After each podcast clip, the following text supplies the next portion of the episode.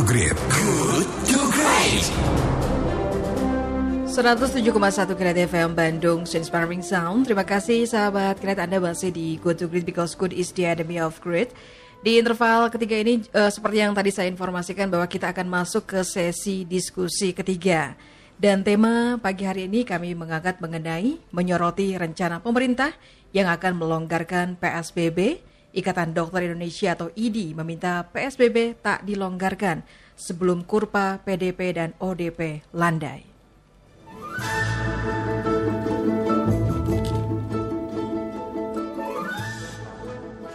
Setelah hampir dua bulan berjalan, pemerintah berencana melonggarkan pembatasan sosial berskala besar atau PSBB. Terkait ini, Ikatan Dokter Indonesia atau IDI menilai pemerintah seharusnya tidak terburu-buru melakukan kebijakan relaksasi atau kelonggaran PSBB sebelum jumlah pasien dalam pengawasan atau PDP dan orang dalam pemantauan atau ODP mengalami stagnasi atau pelandaian kurva kasus. Menurut Waketum IDI, yaitu Adib Humaidi, kasus ODP dan PDP belum semuanya diperiksa angka PDP di Indonesia per Rabu tanggal 13 Mei sebanyak sekitar 33.042 orang, sedangkan ODP sebanyak 256.299 orang. Adi berharap pemerintah dapat segera melakukan pemeriksaan masif untuk memastikan kondisi ratusan ribu orang terkait COVID-19. Pada Rabu lalu, angka kasus positif COVID-19 di Indonesia mencapai lonjakan kasus tertinggi, yakni penambahan sebanyak 689 kasus positif. Lonjakan tertinggi sejak Presiden mengumumkan kasus corona pertama pada 2 Maret lalu. Merespon temuan ini, Adi menyatakan jika kasus meningkat dibarengi tes massal yang juga masif, maka pemerintah dapat segera melakukan penelusuran kontak untuk melihat peta persebaran COVID-19 di tiap wilayah. Adib juga menyoroti salah satu bentuk kelonggaran PSBB seperti kelompok usia di bawah 45 tahun yang kemudian diperbolehkan kembali beraktivitas bekerja. Menurutnya, kelonggaran tersebut seharusnya didasari kajian epidemiologis dan secara klinis untuk menentukan apakah regulasi yang diambil terkait virus corona adalah, adalah sudah sesuai. Nah, untuk membahas hal tersebut, kami pagi hari ini akan menghadirkan narasumber yaitu Dr. Muhammad Adib Humaydi selaku Waketum Ikatan Dokter Indonesia atau IDI.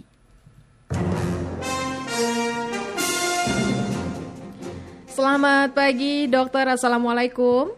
Assalamualaikum warahmatullahi Selamat pagi Mbak Aska. Selamat pagi sahabat Kailaid. Iya, dokter apa kabar? Sehat, dok? Alhamdulillah. Alhamdulillah harus selalu sehat dan semangat ya dokter ya. Mudah-mudahan iya, pandemi ya, harus. segera berakhir ya dok. Amin, amin. Amin. Ya dokter ini uh, memasuki tiga bulan kasus corona di Indonesia ya. Pemerintah berencana melonggarkan PSBB. Bagaimana menurut Ikatan Dokter Indonesia atau IDI? Silakan dokter. Ya jadi eh, pada saat kita bicara terkait dengan permasalahan COVID ini kan pada saat muncul awal di bulan Januari, Februari di Indonesia, kemudian di ada dinyatakan positif pada bulan Maret, itu menunjukkan bahwa pendekatan yang harus dilakukan adalah pendekatan yang berdasarkan referensi daripada medis, mm-hmm. dari kedokteran maupun ke kesehatan. Cuman kita tahu bahwa saat ini sudah masuk tiga bulan lah kadang-kadang, bulan ketiga di Indonesia, yang memang eh, permasalahan tidak hanya sekedar permasalahan kesehatan saja. Permasalahan kesehatan yang sudah berdampak kepada permasalahan yang lain, termasuk sosial, politik, dan tentunya adalah ekonomi. Ekonomi, gitu. betul. Nah, tapi pendekatan yang dilakukan jangan dibalik, gitu loh. Jadi kalau kita sekarang menyatakan bahwa sepakat bahwa ini adalah problematis. Jadi mulai dari awal WHO menyatakan ini public health response emergency, kemudian jadi pandemi global, itu menyatakan bahwa ini adalah problem-problem kesehatan sehingga di semua negara pendekatan-pendekatan strategi yang dilakukan adalah pendekatan strategi berdasarkan referensi dari kesehatan.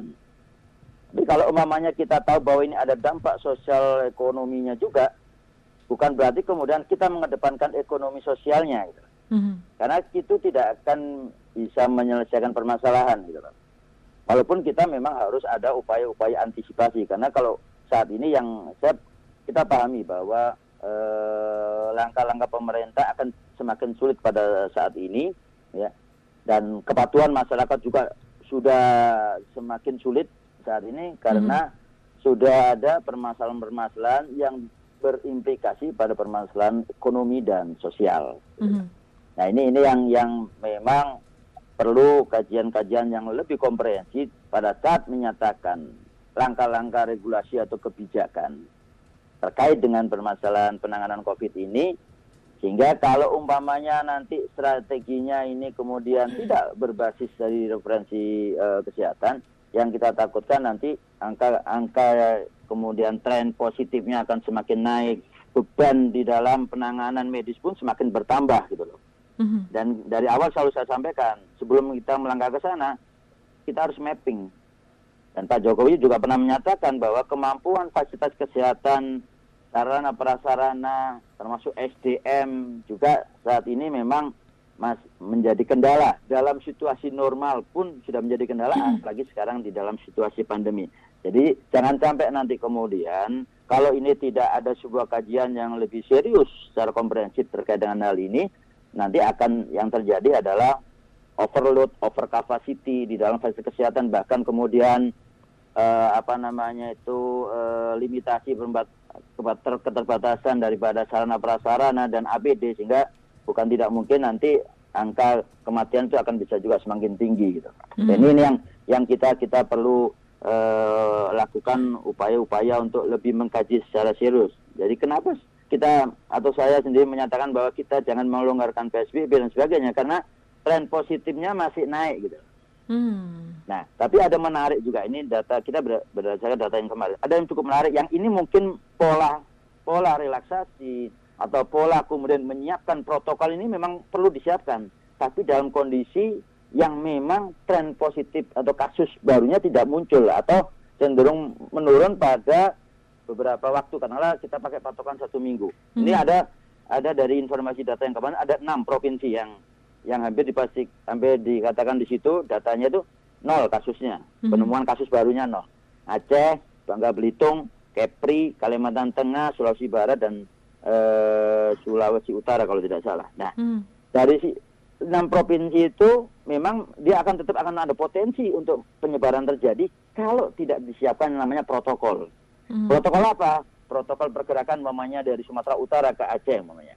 Atau protokol di internal supaya kita menjaga supaya apa yang sudah kasus nol ini tidak kemudian menjadi bertambah.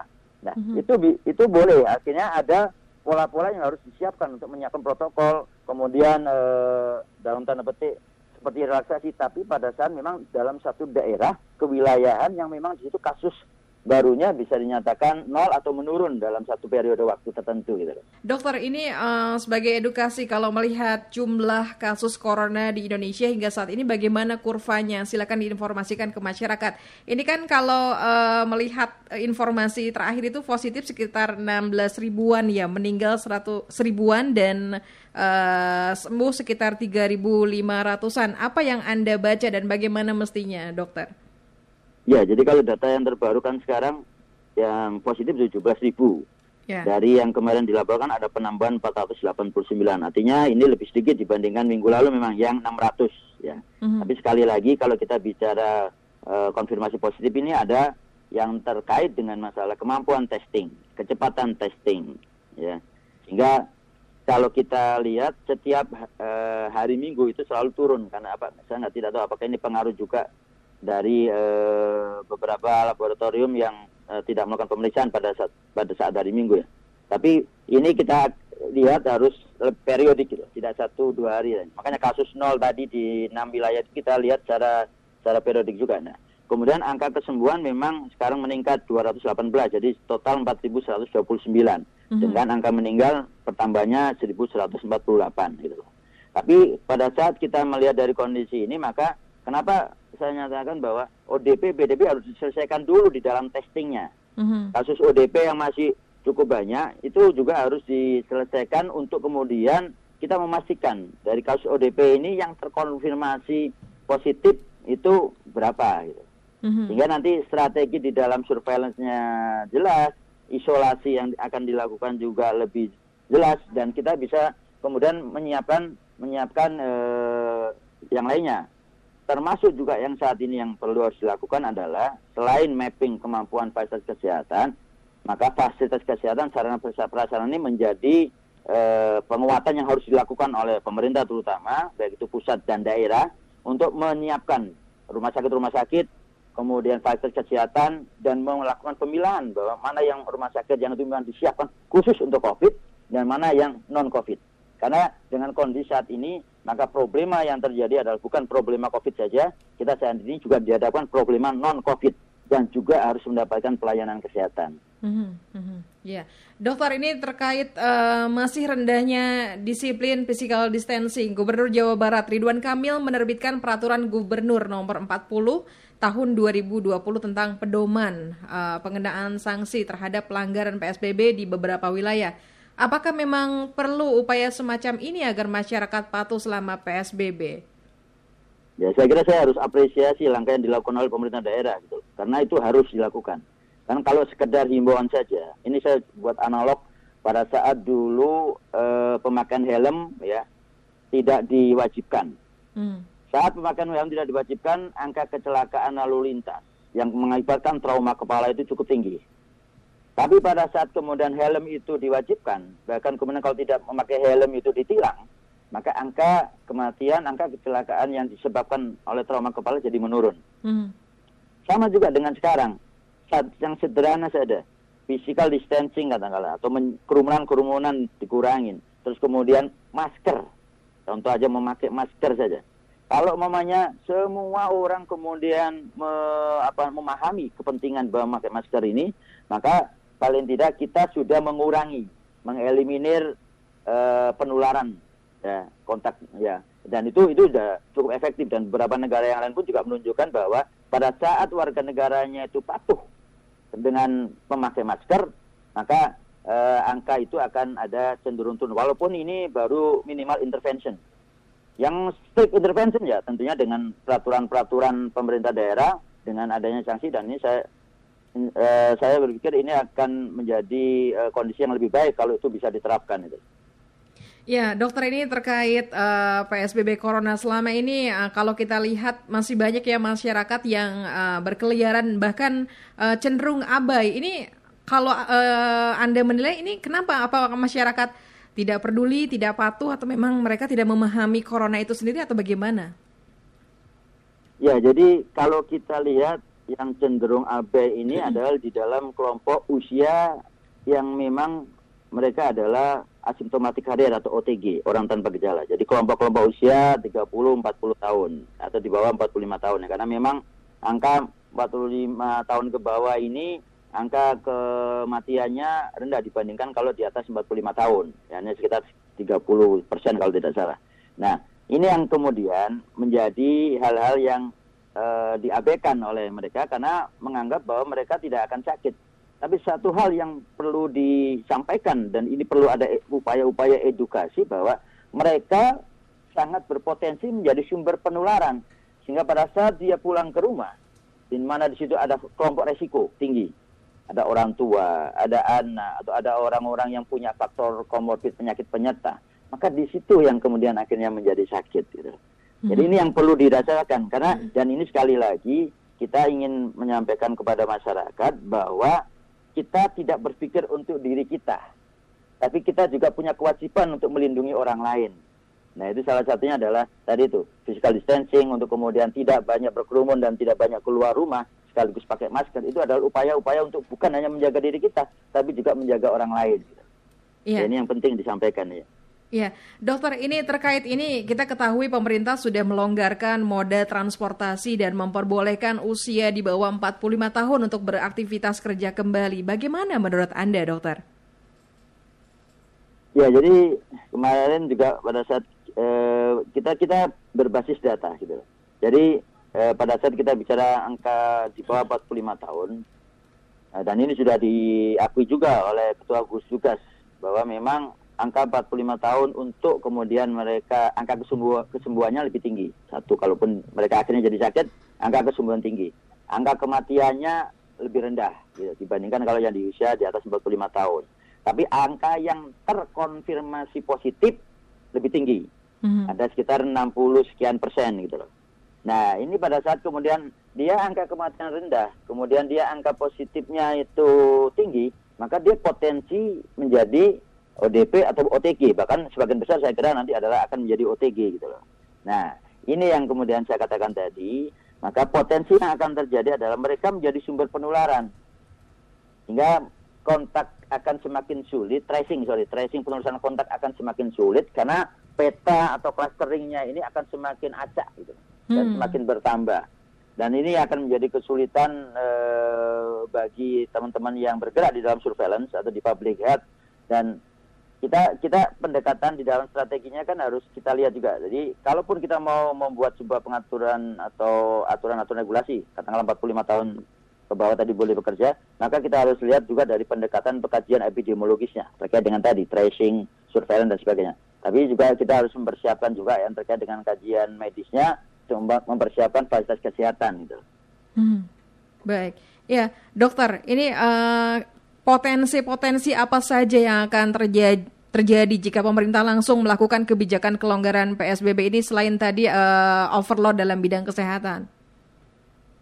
Ya, jadi uh, kita lihat dari sudut pandang epidemiologisnya, ya. Semakin sulit nanti kemudian kita lakukan penelusuran kontak, semakin sulit kita akan membuat sebuah clustering dan kemudian uh, peta penyebaran ini ya mohon maaf kalau saya katakan seperti kita membaca peta buta. Jadi kita kita sulit untuk kemudian memetakan sehingga yang akan terjadi adalah bahwa kita akan apa namanya dihadapkan dengan bukan tidak mungkin orang di sebelah kita mereka adalah orang yang positif gitu loh. Baik. Dan itu kalau kita tidak aware kita jadi bisa tertular juga gitu. Baik, dokter yang terakhir, uh, apa masukan-masukan Anda kepada pemerintah mengenai kebijakan ini? Apakah sudah tepatkah dengan kebijakan ini? Silakan, dokter. Ya, jadi yang pertama eh, kami selalu sampaikan bahwa strategi yang harus dilakukan ini saat ini memang eh, ada strategi yang terpusat dan ada strategi yang kewilayahan dan strategi kewilayahan punya peran sangat penting gitu. Jadi pemerintah daerah baik itu provinsi, kabupaten, kota mempunyai eh, strategi yang itu sangat penting karena mereka yang kemudian bisa untuk melakukan sebuah analisa-analisa eh, dampak yang terjadi di wilayahnya sehingga pengaturan-pengaturan di dalam atau penanganan dalam strateginya itu itu menjadi poin penting untuk kemudian membatasi atau memutus mata rantai penularan di daerah gitu. Itu. Yang kedua, kita harus melihatnya lebih komprehensif dan pendekatannya adalah pendekatan epidemiologis dan kemudian pendekatan daripada medis. Pendekatan epidemiologis tentunya kecepatan testing itu itu menjadi point of order yang tetap harus menjadi prioritas.